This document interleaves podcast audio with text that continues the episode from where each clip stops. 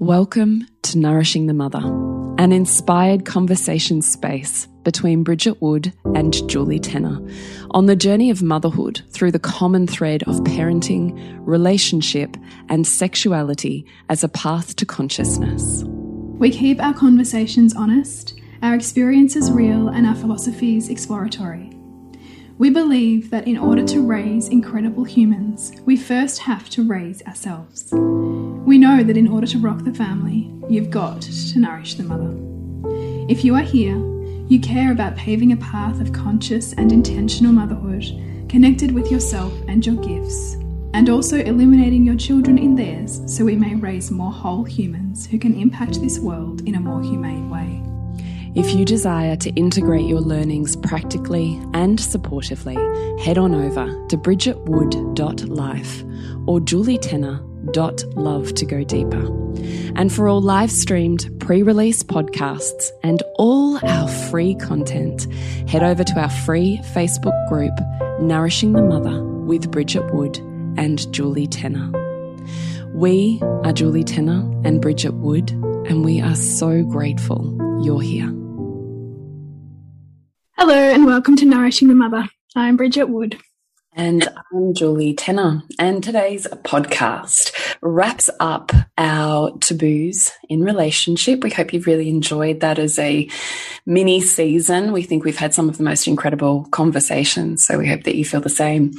So today's podcast is sex and motherhood and the taboo intersection and mingling of sexuality and woman as mother. So we'll be referring really very much to our own experiences and beliefs and philosophies and trials and errors and all of the above as we have that conversation mm. and navigate it hopefully in a way that provides you with some medicine and some insight and some spaces and places to traverse mm. for yourself. Yes. And it is it is a big topic because our sexuality is something that we often don't come fully into. Like if we think about a woman's sexual development, may not fully come into when we also are coming into our mothering years. But at the same time, when we look at the world around us and what's culturally acceptable for women, those two things often don't sit alongside each other very well. You're either the kind of Madonna esque, all nurturing, all giving, all loving mother, mm. according to the patriarchal model of motherhood, or you're this full bodied sexual woman who's full of desire and you know almost like this madonna whore split right that freudian split that um that so much of our our challenges of integrating our personas can can be like. And so to find ways i think particularly in early motherhood to celebrate our sexual needs or explorations alongside the intensity of nurturing is a really important conversation that I think we need to have, and that you and I have certainly journeyed through each child that we've had and each navigation of what sex looks like and feels like after the birth of each child. And as the family gets bigger and the demands get more, how do you still cultivate space for your desire and for your sexual deepening and expansion? Mm. What I what I love is I look back on myself as a um, young mum with you know one or two children, I almost want to smile because back then, with my first two, I was completely and utterly devoted to uh, attachment parenting. And much to, I think, my, my own self care really plummeted in that phase because I was so fully invested in I live literally for my children. And anytime I don't meet their needs, it was a crushing what felt like a return or a blow to you're just like your mother and I couldn't there was no part of me that could stand that. Mm. So I would rather be a completely self-sacrificing to the point of I would say self-punishing martyr mm. than claim any of that space for myself And I remember being very much invested in that. And it's a very loving space when you're in those communities of women and, and their children, very loving, very attachment focused, very emotionally aware and tuned in, which is such a beautiful space to be in. But I can remember all of us having these conversations or belief systems around, you know, the intensity of these young years. And then there'll be a time where they don't need us. There's not that same koala care and that my body isn't also their body. Mm. You know, I'm not feeding and sleeping them on my body all of the time. Mm. So at some point, you know, that'll come back to me. And I kind of smile at my naivety, I'm going to say, because it does not get easier. mm. What happens is your children get older and more aware and they stay up later, potentially even staying up beyond when you might want to go to bed. And there is no parent time. Mm. There is no you time. There is always ears that are open and listening and eyes that are sitting right next to you. And it might change, but the intensity and the consistency of it doesn't. Mm. So the reason I say that is, is I used to think, oh, you know, once my kids are, you know, old enough and they're teenagers and oh, it's going to be so fine because we'll have our time back because we'll have done the intensive years of parenting and then we'll just have us. And that is not true. Says you with a 15 year old and a 13 year old. yeah, yeah, that is not true because the emotional holding that's required of teenagers and the self regulation that is required to hold them as they develop, slash yourself as you witness their development or mm-hmm. resistance.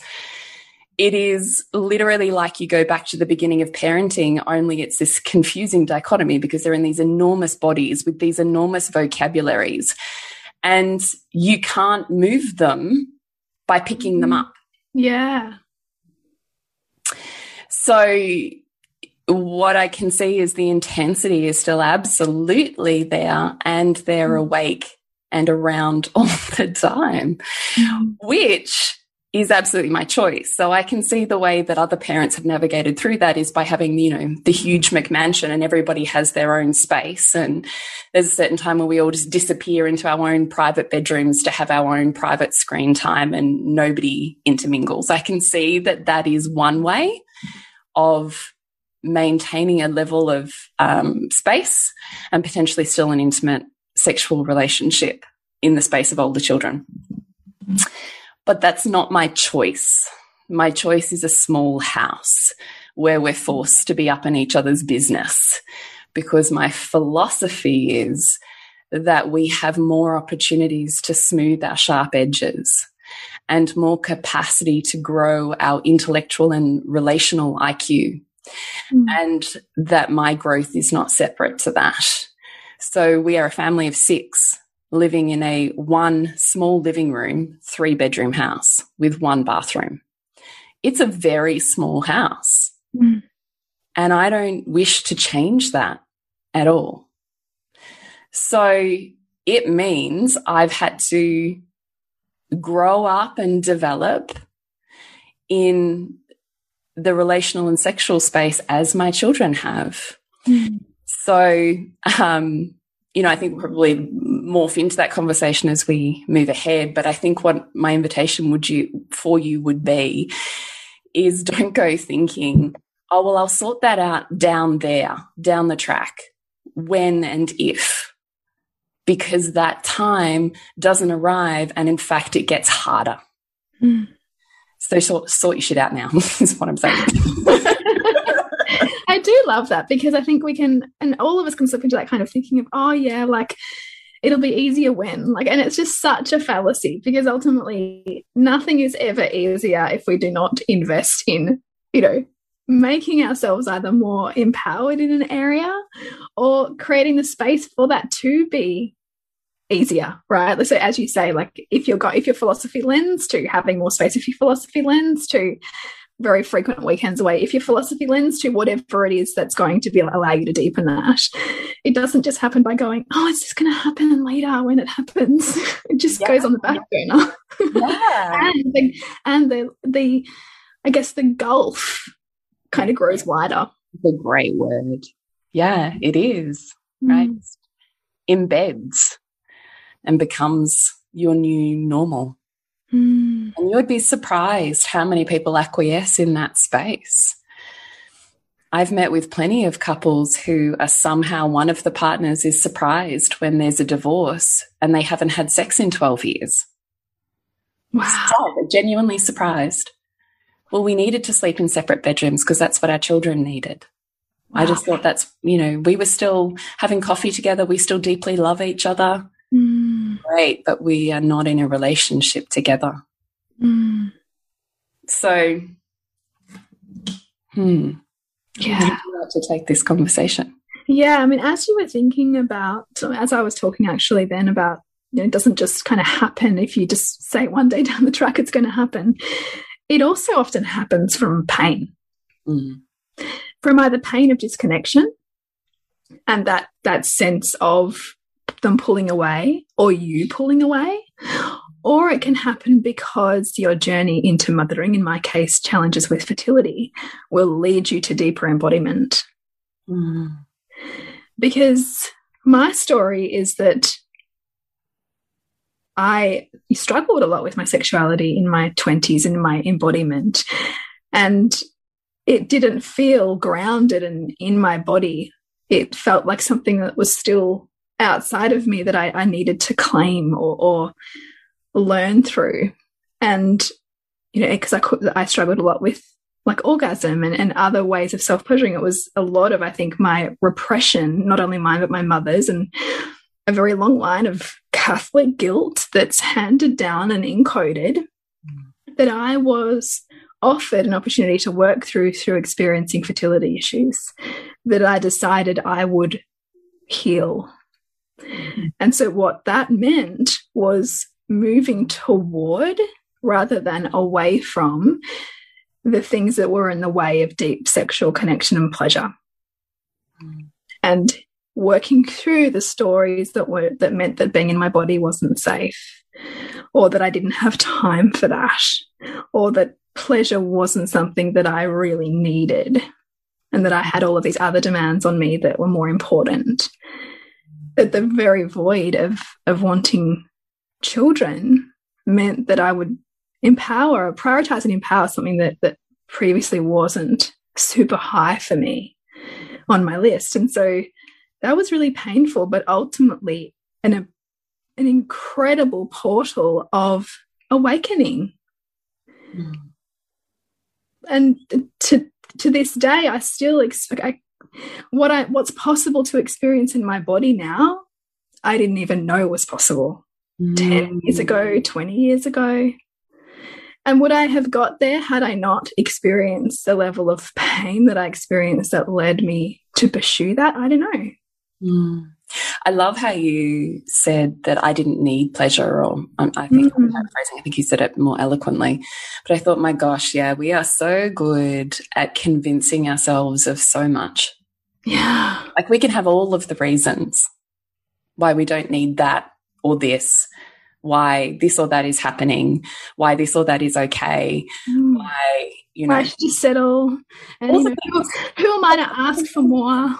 Yeah, but we just, we have, we have this fantastic way of convincing ourselves that that's correct. Yeah.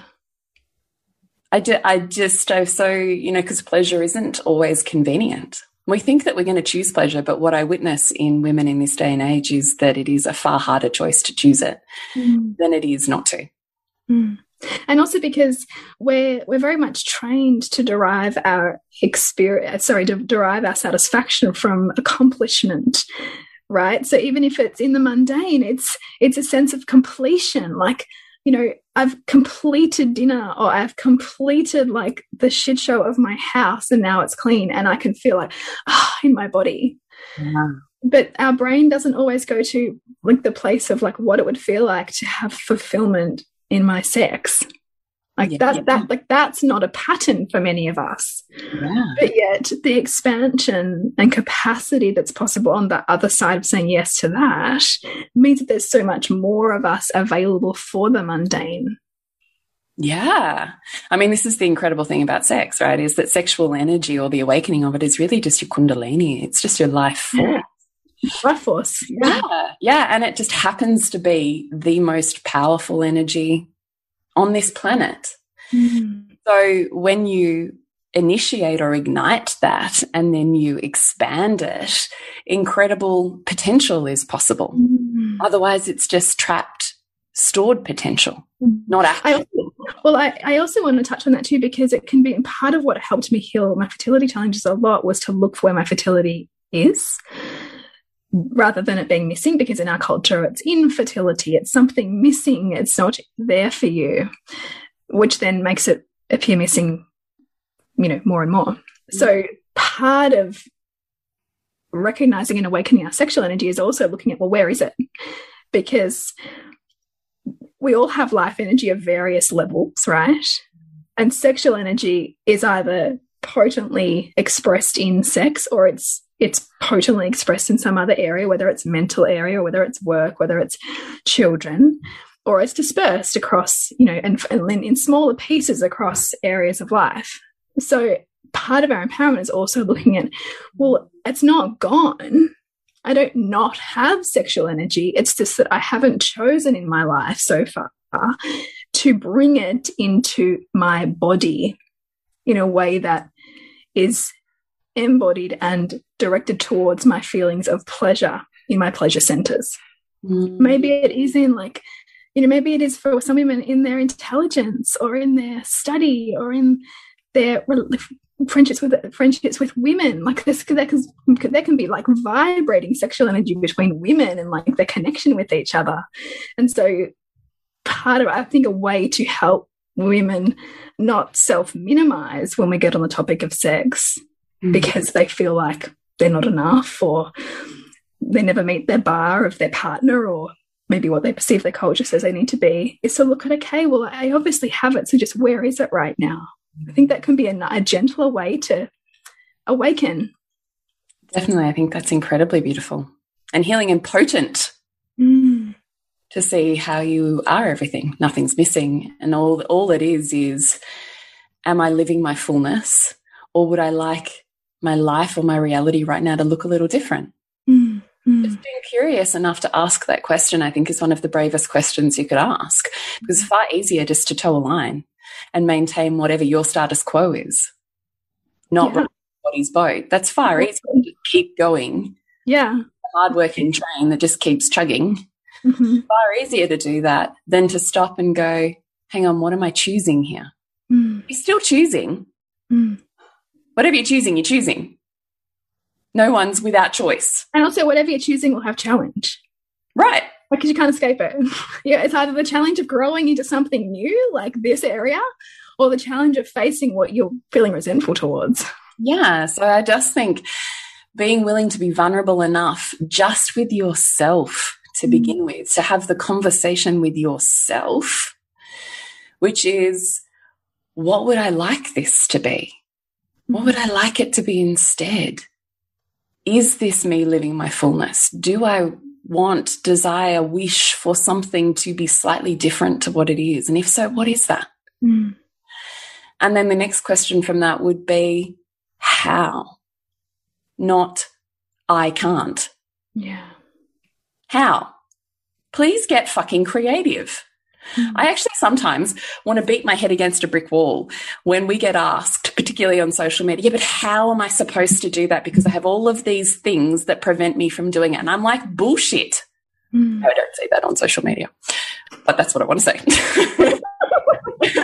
Which is, you are always choosing. Mm. And you always have choice right? Don't stop with someone else outside of you dictating what you can and can't have, your children included. Mm. Right? Like, there is always a way to get creative.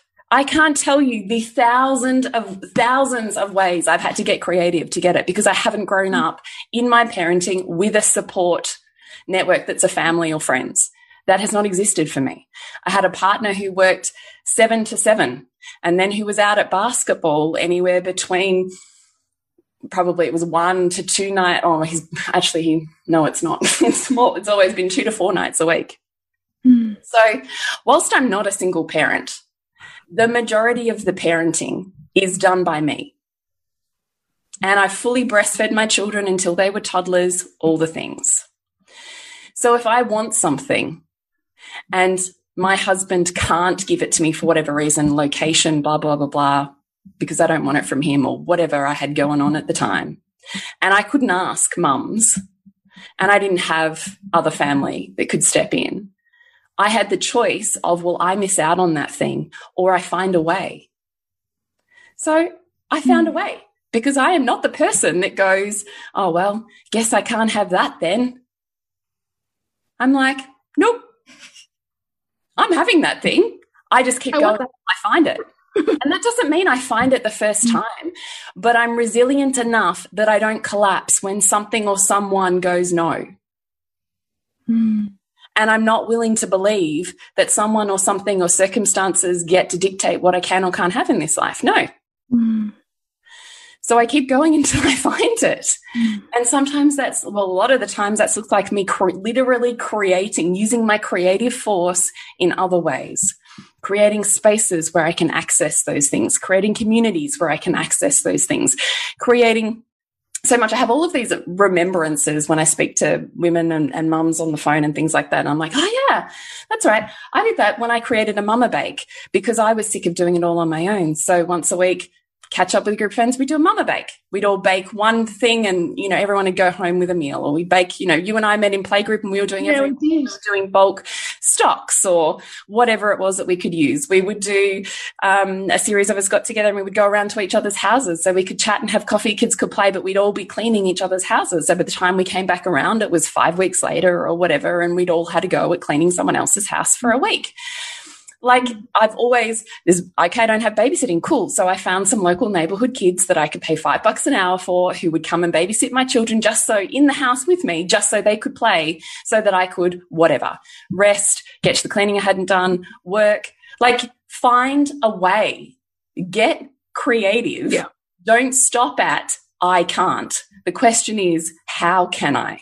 And spitball. Mm. Just throw some spaghetti on the wall and see what sticks probably not the first thing you throw up, but eventually you'll find it mm. because you get to have your fullness. You just have to creatively become the person for whom that reality is possible. And if it's not your reality right now, you've got some growing to do. That's okay. Mm. But that's all it is. It's not, I don't get to have that. It's just, oh, I've got to grow to get that. Cool.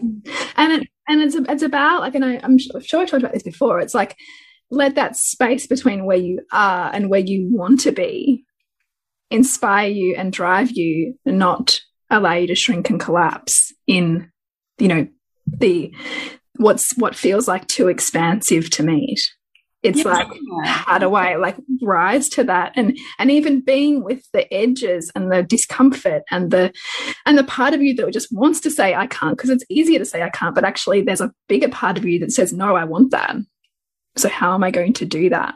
Yeah, how do I honor that? Because it's actually harder to honor yourself mm. than it is to negate and ignore yourself. Mm.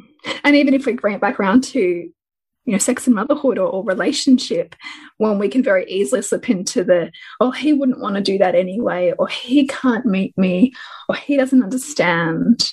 That's also you not not being willing to meet yourself.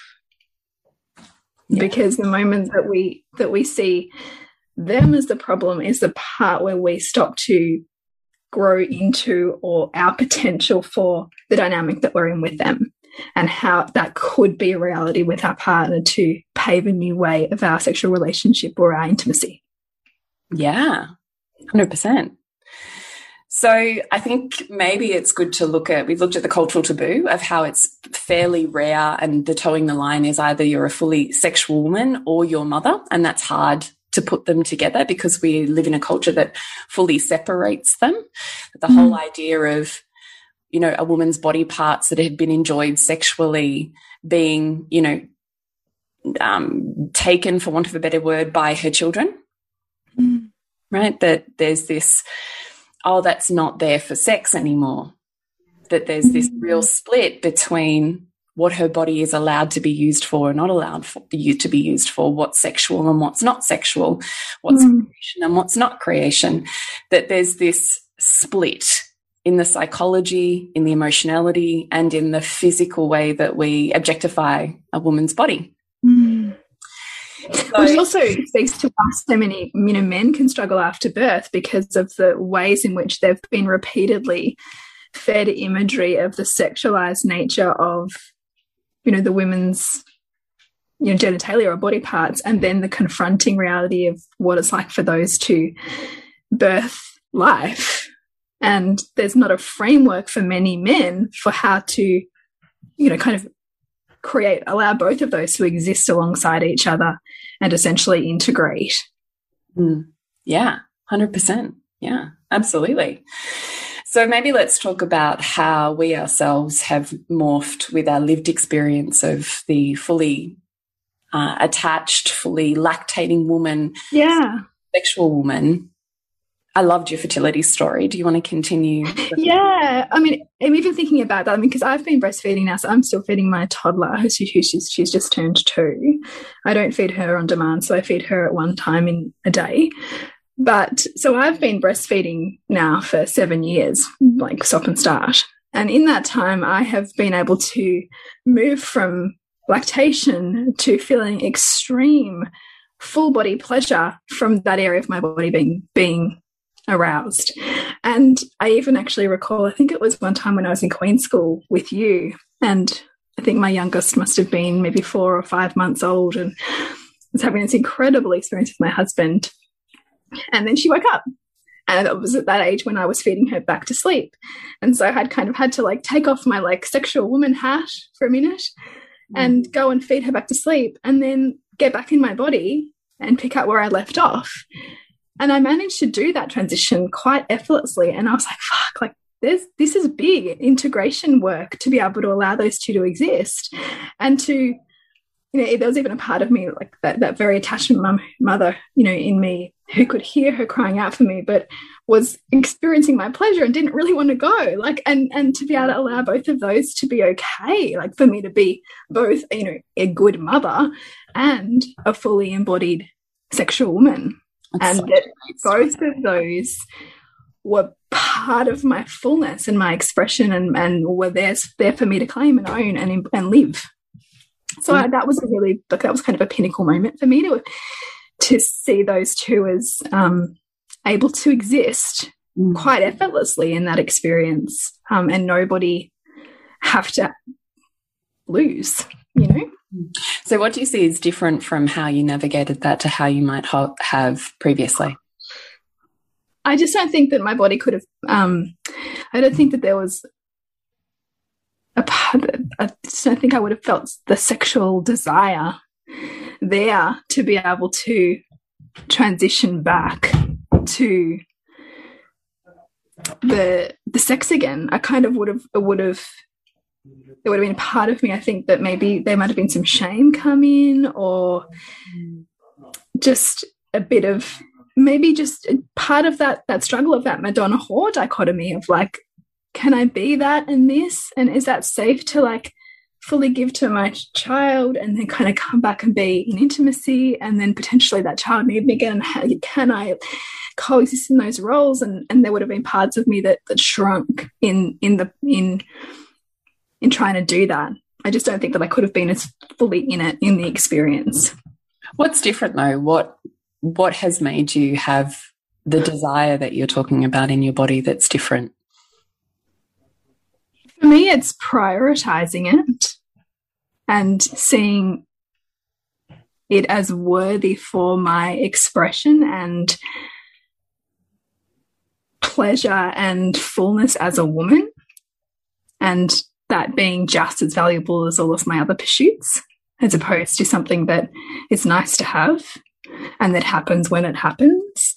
It mm. became something that I I actively prioritize because you can't wait in motherhood with more children. You can't just oh it'll happen when it happens you know when i'm turned on you know you just you can't do that it's, it's not the same thing especially when you're bed sharing and there's not that spontaneous middle of the night sex that happens when you're bed hopping yeah. Because you've got children who are coming in and out of the bed of all hours. So you need to create time and space. And in the creating of time and space, you then create energy that goes there and that energy is then reciprocated, which creates energy in other pockets of the day, which contributes to the depth of feeling and expression in those pockets of time that you are creating for that.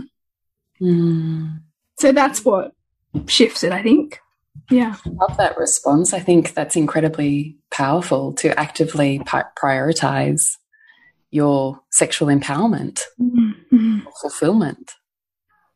Because you're knowing what I'm hearing from that is you're going, I, I get to have my fullness. Mm. I don't get to be this, I don't have to be a partial me. I yeah. get the full me. But that just means I'm actively creating structure for those, all those facets of me rather mm. than only creating structure for the parenting facet of me or the work facet of me and then completely letting go of structure in the relationship or sexual facet of me.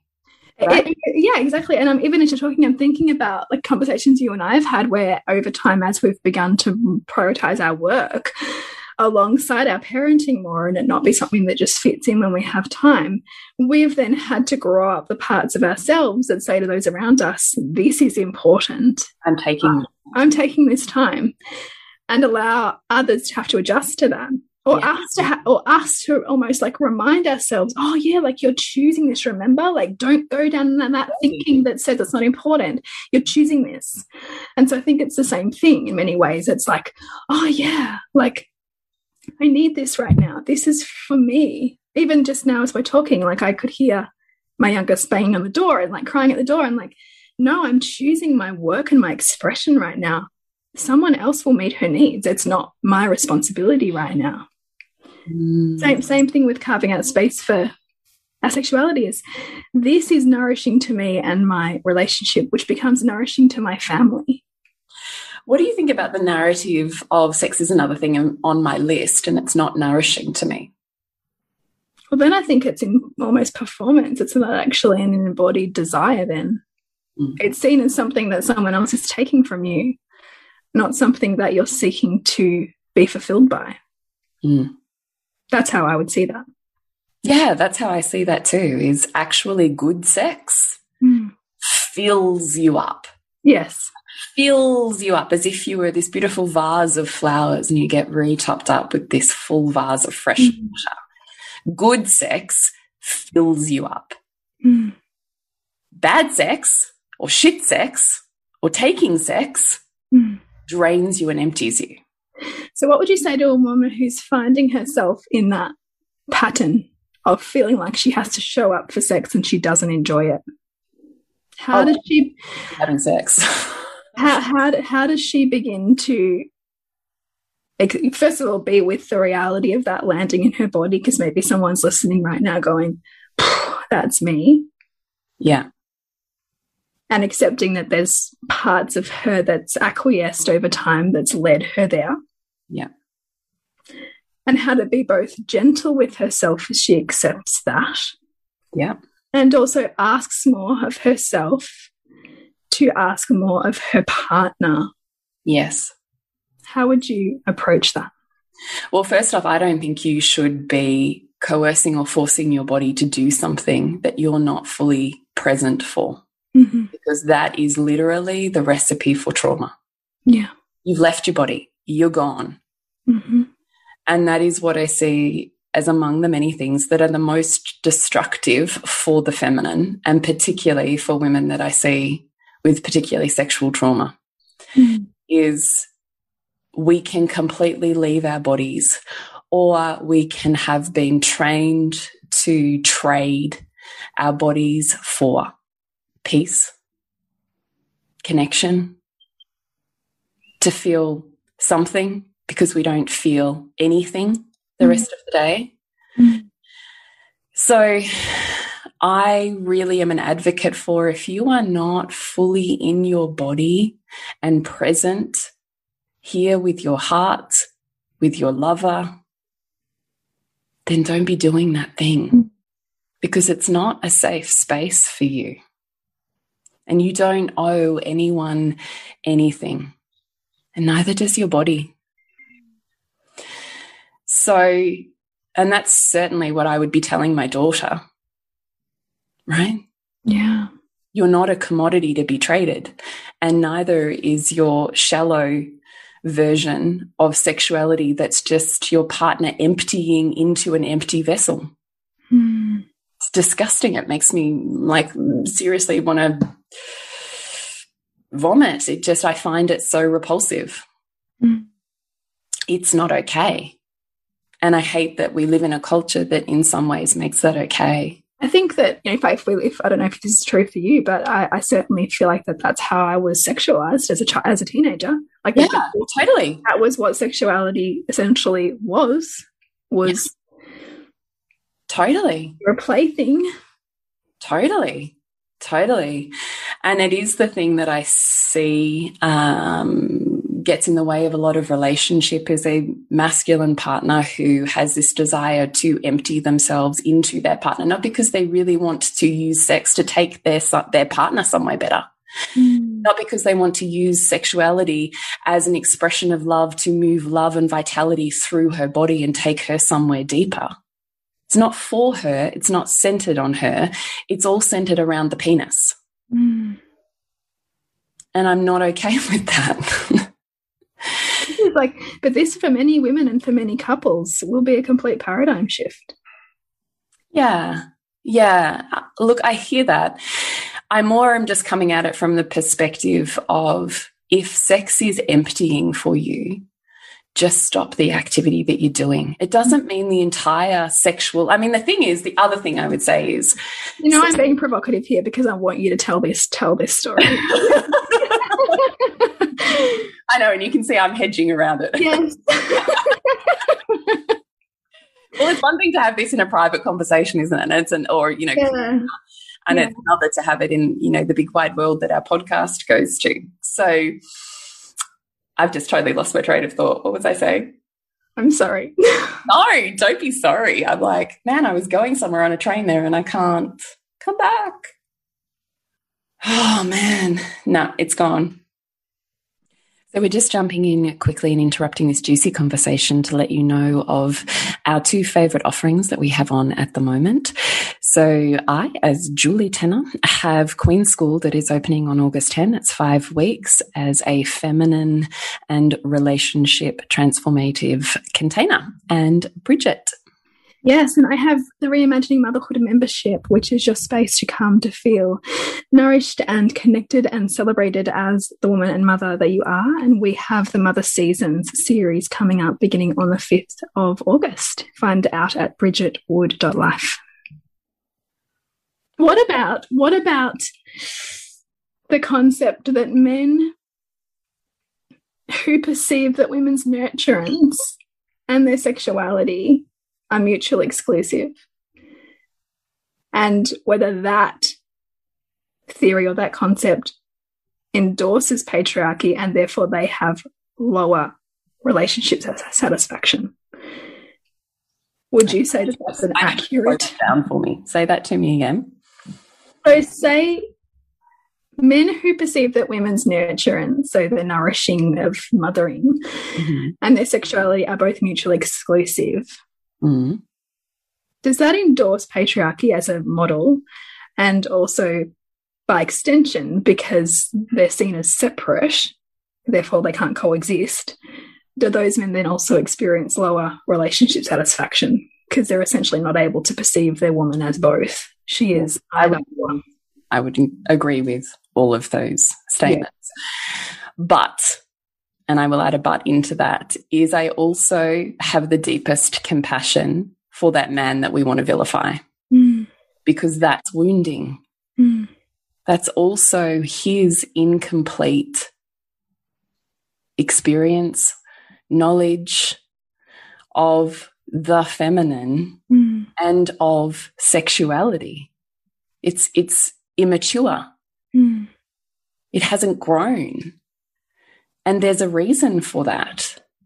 And that hasn't grown because that's stunted at, at, at, an emotional level of his growth when he perhaps had formative sexual experiences or, or what he was. Yeah, yeah. All of the above. Yeah. So I also don't think that the reality you, I don't think that the way someone is showing up right now in relationship is a predictor of their potential. I don't think that's true. I know that's not true because I've seen it too many times. What is true is we can have the experience we're having and we can move towards the experience that we desire or want to have, and we can stretch and grow together, and that person's expansion moves along with you. Mm. So I think it's entirely possible to have sex that is deeply nourishing and fulfilling, but it does require, if we go back to our original um, process that started this conversation, is a pattern interrupt, is a clear dedication to I am dedicating my sexuality and my intimacy to my embodiment. So every time I leave my body, we're going to literally stop all activity while I come back in. Mm. And then I'll know what I need next mm. and we'll begin again. So it's not that, I think that's what I was going to say is sex is not penis in vagina. Yeah. Sex is anything that involves your sexual energy. And you can be fully clothed and not touching another human and having a sexual experience. Mm. So sex is not this incredibly limited view. Mm. It is far bigger than that, and you're far bigger than that. So don't limit yourself or the other. So I would also say we have to remove the expectation and often the outcome on potentially penetration mm. and potentially orgasm we have to actually take pressure off of it because there's enough pressure and performance happening that's hard enough to work with without the the additional pressure and performance involved in an end goal. Mm. So for people to heal and rewire and find a new way to navigate their sexuality, there has to be a clear, I can't do this or these things for these reasons. Here's what I'm devoted to. Here's what I'm committed to. Here's how I would love to do that together. Here's how I would love your help to do. Like, mm. totally possible to heal sexually, right? Like, I mean, sexual energy is so potent that you can, you know, do 10, like birth, do 10 years of therapy in 10 minutes mm. if you're conscious enough for that. Mm. But if you're not in your body, you will not be. Mm. So we have to remember always that our power exists in our body. And it's almost the most radical thing we can do to come back to it.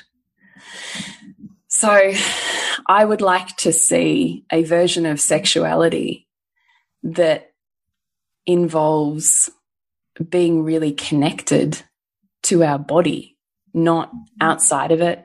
Because as we know, if we're judging it, we're not even in it. Mm. Not continuing to trade it as a commodity, hmm. knowing how to give and receive love and connection in, in an innumerable number of ways. Um, and I would like to see the growth of emotional intelligence that brings up when you're denied. Yeah. Because, you know, I also find that pretty repulsive that need or overt control or power I also find repulsive. So, can you elaborate? What do you mean there in terms of being denied sexual gratification? Yeah, yeah. yeah. and being able to handle your own emotions. Do you completely, you know, crack the shits and just rant about what you're not getting? Mm. Or are you actually invested in having, in inverted commas, sex, interweaving yourself, being in for the expansion of your partner? Because mm. largely what I see is we just stop at me, mm. me and my genitals. mm. and my needs and my wants and my hurt and mm. my pain. Right. Well, then we know what type of sex you're having then. Mm. Because it should be about the other person. Mm. And I'm using my fullness, gifting my fullness to fill that person, to make them bigger, better, greater, stronger, healthier, opened. Like it's it's a gifting. It's not a mm. taking. I love that you've talked about this because actually, certainly deepening my awareness of the masculine through very through lots of reading and also through Queen School really helped me understand and desire to pleasure my husband in ways that I hadn't really grasped beyond I don't know, beyond so much of what we're cultured with, right? About men's needs or, you know, men's expression or release. Whereas actually it's so much more than that. And it taught me to really see how the intimacy of sex really feeds him as a man mm. and in his own expansion. And because of my love for him, I want that for him. So my sexual development was and continues to be necessary for his expansion too and fulfillment. And if I want our relationship to grow, then I want that to grow too. Mm. So it, I love that you that you touched on that because we can, particularly in our wounding, get very stuck at in our shame or in our blame or in our guilt, you know, in, in all of those really lower, denser emotions. But when we can pull ourselves out of that and see the bigger picture of the dynamic and the relationship and the intimacy that helps each person grow, then sometimes that's enough to build the why, to change the pattern, to have a different reality. 100%. Yeah. Yeah, I love that. Mm. What about the value of our children mm. seeing and witnessing mm. our embodiment of our sex? Well, I literally think that can change our world. Hmm. I agree. It's, it's great to heal ourselves, mm. but we've kind of already given the contribution to a, a world that's going to change. Mm. The next generation and the generations after them are the ones who have the real power and capacity to literally change this world. So what we heal for ourselves, of course, we allow the pathway and the opening for them to heal. But imagine if they grow up in a completely different paradigm yeah. that filters through an entire generation that literally changes our sexual culture or the way that we function. Mm. The type of, I mean, I believe fully and totally that we can change the world and we change the way that we love. Mm. And if you realized you had that much power to change the world, wouldn't you do it? Mm. Yes. You know, it's the power of one, and literally love is what will change it. Mm. So I think what we teach our children and what they, not even what we say, but what they see to be true mm. Is incredibly important.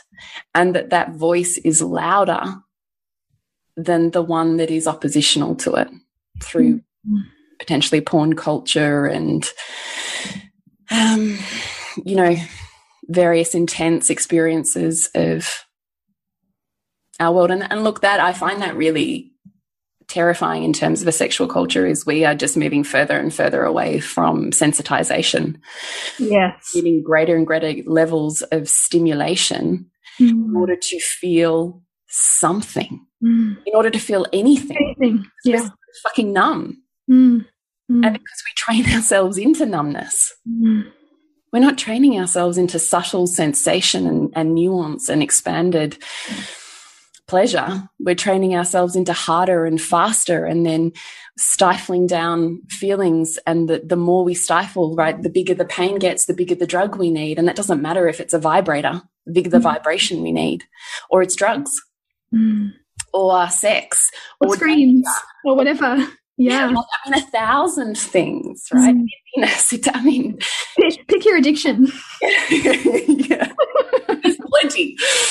Um, but what I find, yeah, terrifying about that is that we know the sex injuries that we're seeing in emergencies in hospitals, particularly of young girls, is getting increasingly graphic.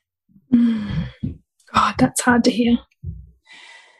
So, you know, I'm also aware that in this lockdown experience, of which we don't see reported statistics, mm. that we have a huge increase in domestic and child abuse.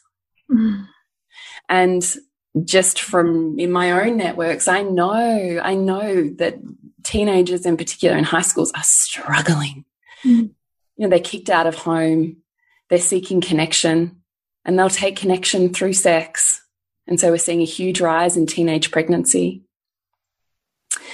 So I just, my heart hurts at witnessing the ways that we abuse our sexuality because I do see it as something that's inherently sacred and divine. Mm.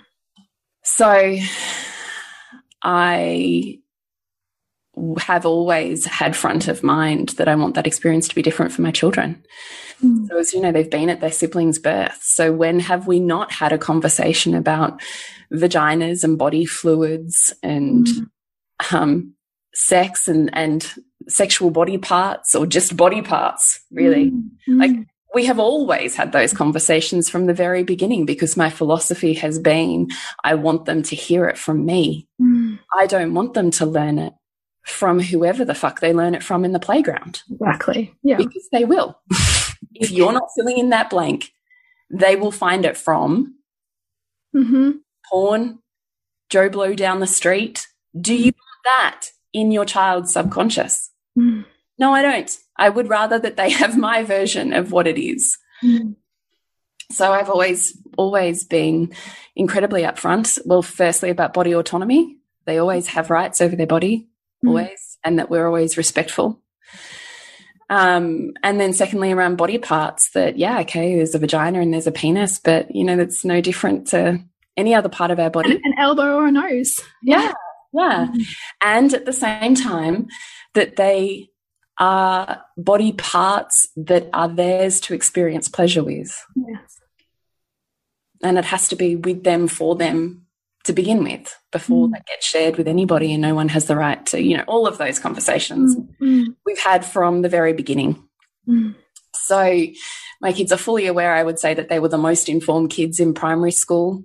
And you definitely have to let your kids know everything by the time they're in grade six, because I'm telling you, by the time, I mean, most kids see porn at age six, definitely by age eight.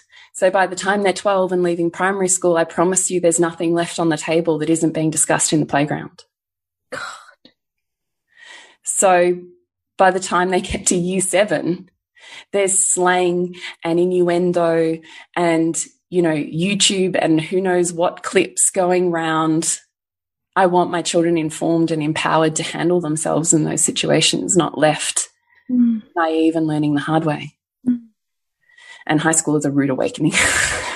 so many parts of me that just want to shield my kids from that, which I know is not the answer, but like, oh God, high school just makes you go, fuck. Yeah, like, that's when they already know. Yeah. Have an open dialogue with you, like, I heard this thing today and I don't know what that means, or what about this? Mm. And then it, it gets to be a really beautiful connecting experience. Yeah. Yeah. So, you know, all those things. And then as my kids have gotten older, like part of the reason I was always really hardcore on bedtime was because I wanted my time and my space and the space for sexuality mm. with my partner at night once my kids were in bed and all the jobs. Mm. You know, I wanted that. So I kept it really sacred. So, you know, it was seven o'clock, then it's 7.30, then it's eight o'clock then it's 8.30 and so i was like hardcore because i start to get tired by 9.30 so i'm like 8.30 is it you're not like you are going to bed at 8.30 i've always had early risers they're up at like 6 a.m. And my son was always up at 5 a.m. So I was like, 8.30, that's a good time, you know.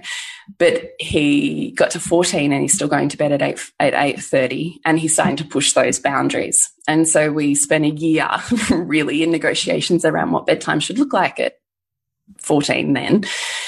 And we really i really listened to his experience. We really listened to his experience. And you know i had to weigh what i was holding back from letting him stay out for uh, or up for. And it was sexuality. It was my next leap into well shit if he stays up then we have to have this conversation. Mm -hmm. because i'm not not having sex. Just yeah. because my child is up.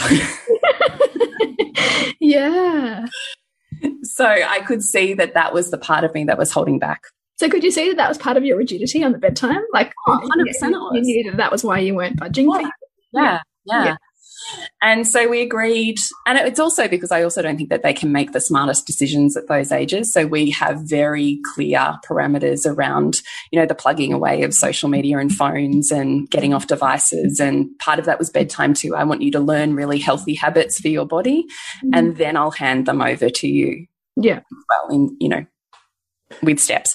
So we decided at 15, you get to choose your own bedtime. So my daughter's nearly 14. And so she's, we're in that phase with her now. She's fighting that 8.30 bedtime. And I'm like, God damn it. This is a whole year of this. I remember it. And in the meantime, we have my son up at whenever he wants to go to bed. Yeah. So he's turned into a night owl. I'm totally happy to hand that over to him. He just has to live with the consequences the next day. So anyway, we had this conversation with him and I said, okay, we have listened and we have heard you and you want to pick your own bedtime.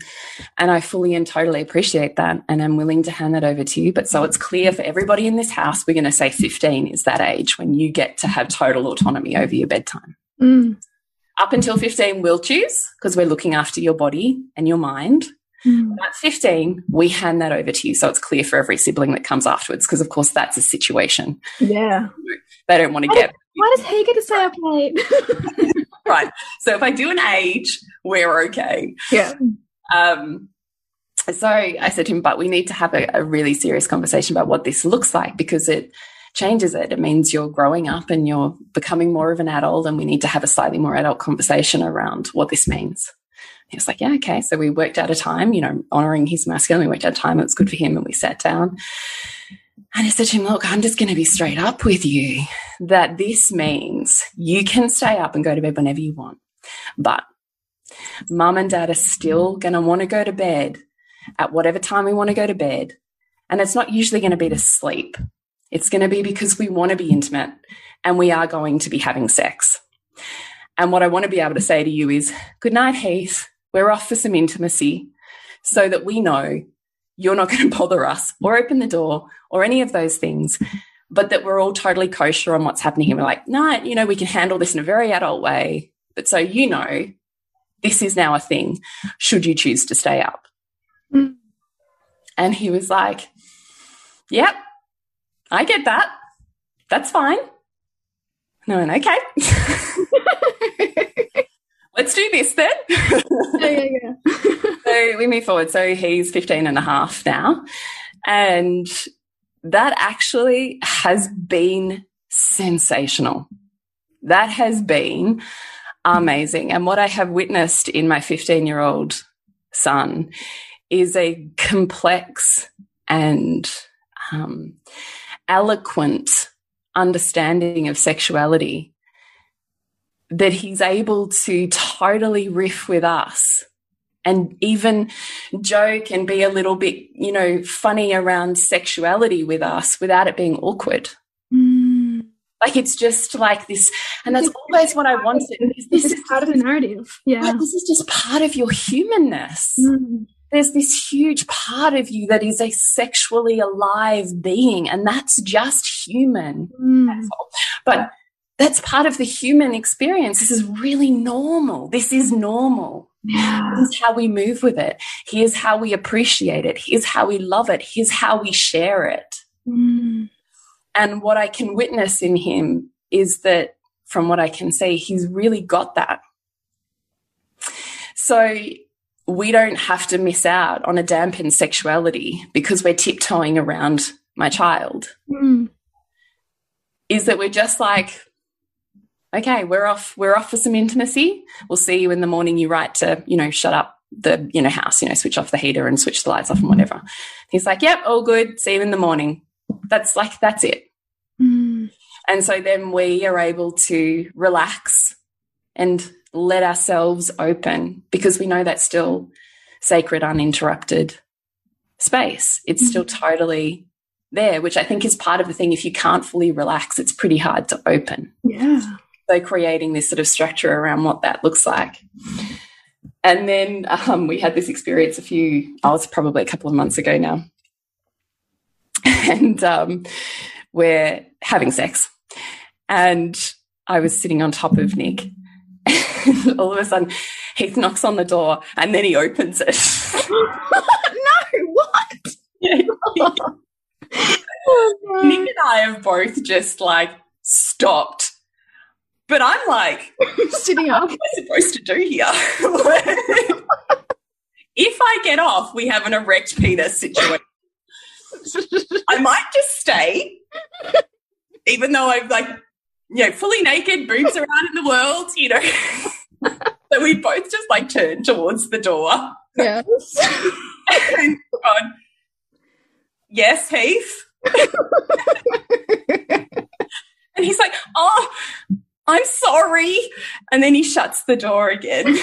and then we get back to each other enough time to go, oh, that just happened. opens it again. I'm really sorry. And he stands there like he doesn't know what to do. And I stand there like, part of me that's slightly impressed right now. like, totally naked, clearly having sex. He's just sitting there wanting to have a conversation. And so, Heath, we are having sex. You need to leave. and goes, yeah, I know, but there's a big black spider.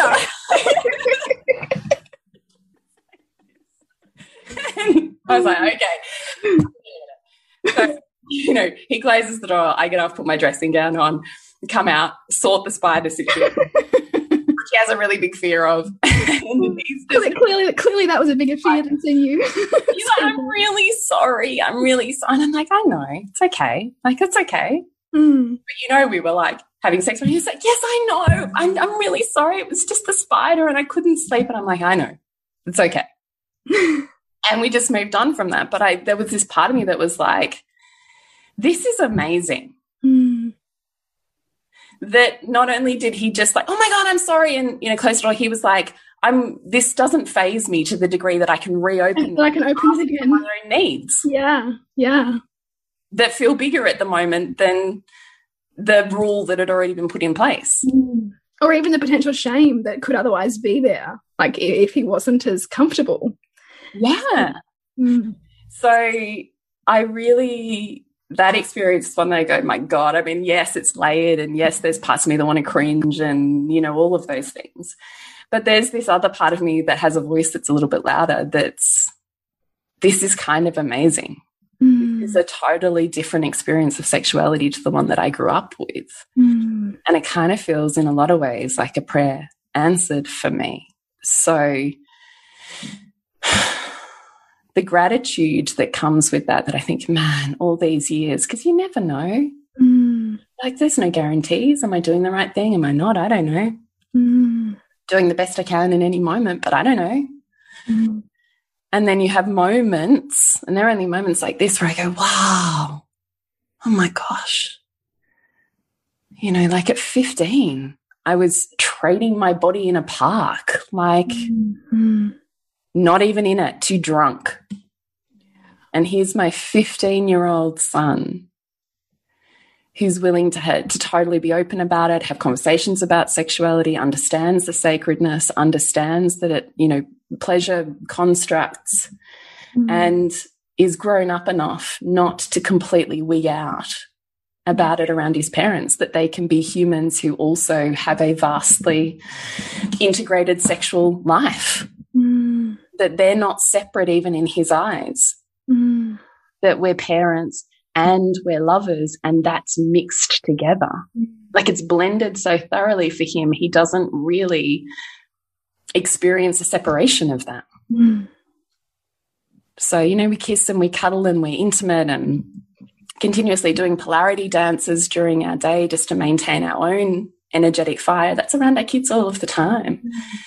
And largely what will happen is they'll come and join in on that. So it's like the group cuddle or it's the kiss and all of a sudden they'll be saying they're awkwardly giggling at us or something. Like it's just this mm. really integrated experience. And only by virtue of the fact that I've had to do that because my choice has been to have a small house where everybody's up in each other's business. Mm. So unless we found an integrated way to do that, it wouldn't have been. And, and, as you know, I'm not willing to live a life that's less than full. So mm. I had to find a way. Um, so my hope is that my children know more about themselves and their own bodies and what it is to love and share energies and bodies mm. in a way that is fulfilling and integrated. And I think that's the way to change change the world. Mm. So the revolution begins at home. Yeah, doesn't it? Mm. Yeah. So I don't think that they have to exist separately. I would say that that's definitely been a huge learning of mine, right? Like you teach what you learn. So mm. Have to learn it. A hundred percent been the you know performative sex vixen and I've 100% been the no sexual desire martyr attached mm. mother and I've worked out every shade in between of that to to get to where we are now which just gets to be an ever deepening fulfilling and opening experience that my children are, are really largely just part of mm bathed in it because I'm not separating these pieces of me. Mm. It's just me. Mm. And that doesn't have to be awkward. Mm. So that's uh, such a powerful illustration. so I hope it didn't mm. too many people out. I love it. I think we love those stories. So you do actually have a round of Queen School coming up, don't you? I do. It begins on August 10. So if you would love to find out more, then jump on to julietenner.love. Go to programs and you will find Queen School or on socials. On the socials, there'll be all of the links to Queen School. So it's five weeks of relationship training and then moves on to Lovers School where we talk about intense polarity and sexuality and then moves on to Couple School, which is the long-term integration of those. Mm. I love I love that pathway. That's so powerful, potent. Thanks. Yeah, I really mm. love working with couples. So Queen School is really more of a self journey, and then couples can come in in Lover School and Couple School. But you have got to have the foundations of Queen School to really be able to play with the big girls. I would say. Mm. Mm. Beautiful. So to connect with you, Jules, is julietenner.love. Yep. Julietenner.love and to connect with you, Bridget. And have you got offerings on at the moment? Well, we have just transitioned Soul Driven Motherhood, the, the Nourishing the Mother membership, into reimagining motherhood with me, which I am super excited about.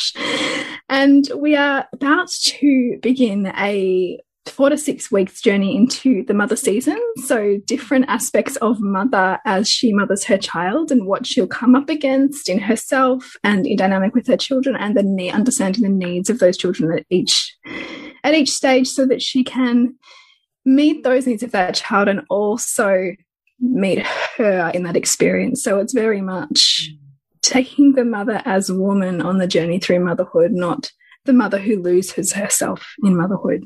Mm. So I'm really excited for that. That begins this week. So you can find out more about that and the membership and everything that you can get as part of Reimagining Motherhood um, over at bridgetwood.life. Mm. And connect with you on socials? Is underscore is at underscore Bridget Wood underscore. So you can find it's a bit of a tricky one. Make sure you get that exact one because that is me. And you, you, can also find those links on my website as well, bridgetwood.life. Mm, perfect. Yes. So remember to nourish the woman to rock the family. And we'll see you next week when we continue to peel back the layers on your mothering journey.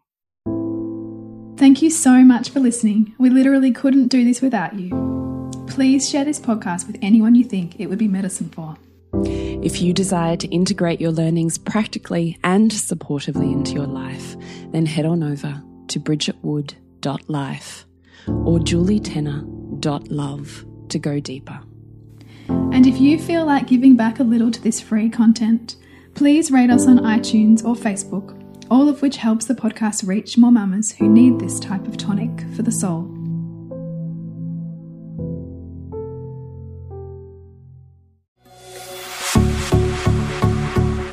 This has been a production of TheWellnessCouch.com. Check us out on Facebook and join in the conversation on Facebook.com forward slash The Wellness Couch. Subscribe to each show on iTunes and check us out on Twitter. The Wellness Couch, streaming wellness into your lives. Whilst the Wellness Couch presenter endeavor to provide accurate and helpful information to their listeners, these podcasts cannot take into account individual circumstances and are not intended to be a substitute for health and medical advice from a qualified health professional. You should always seek the advice of a qualified health professional before acting on any of the information provided by any of the Wellness Couch podcasts.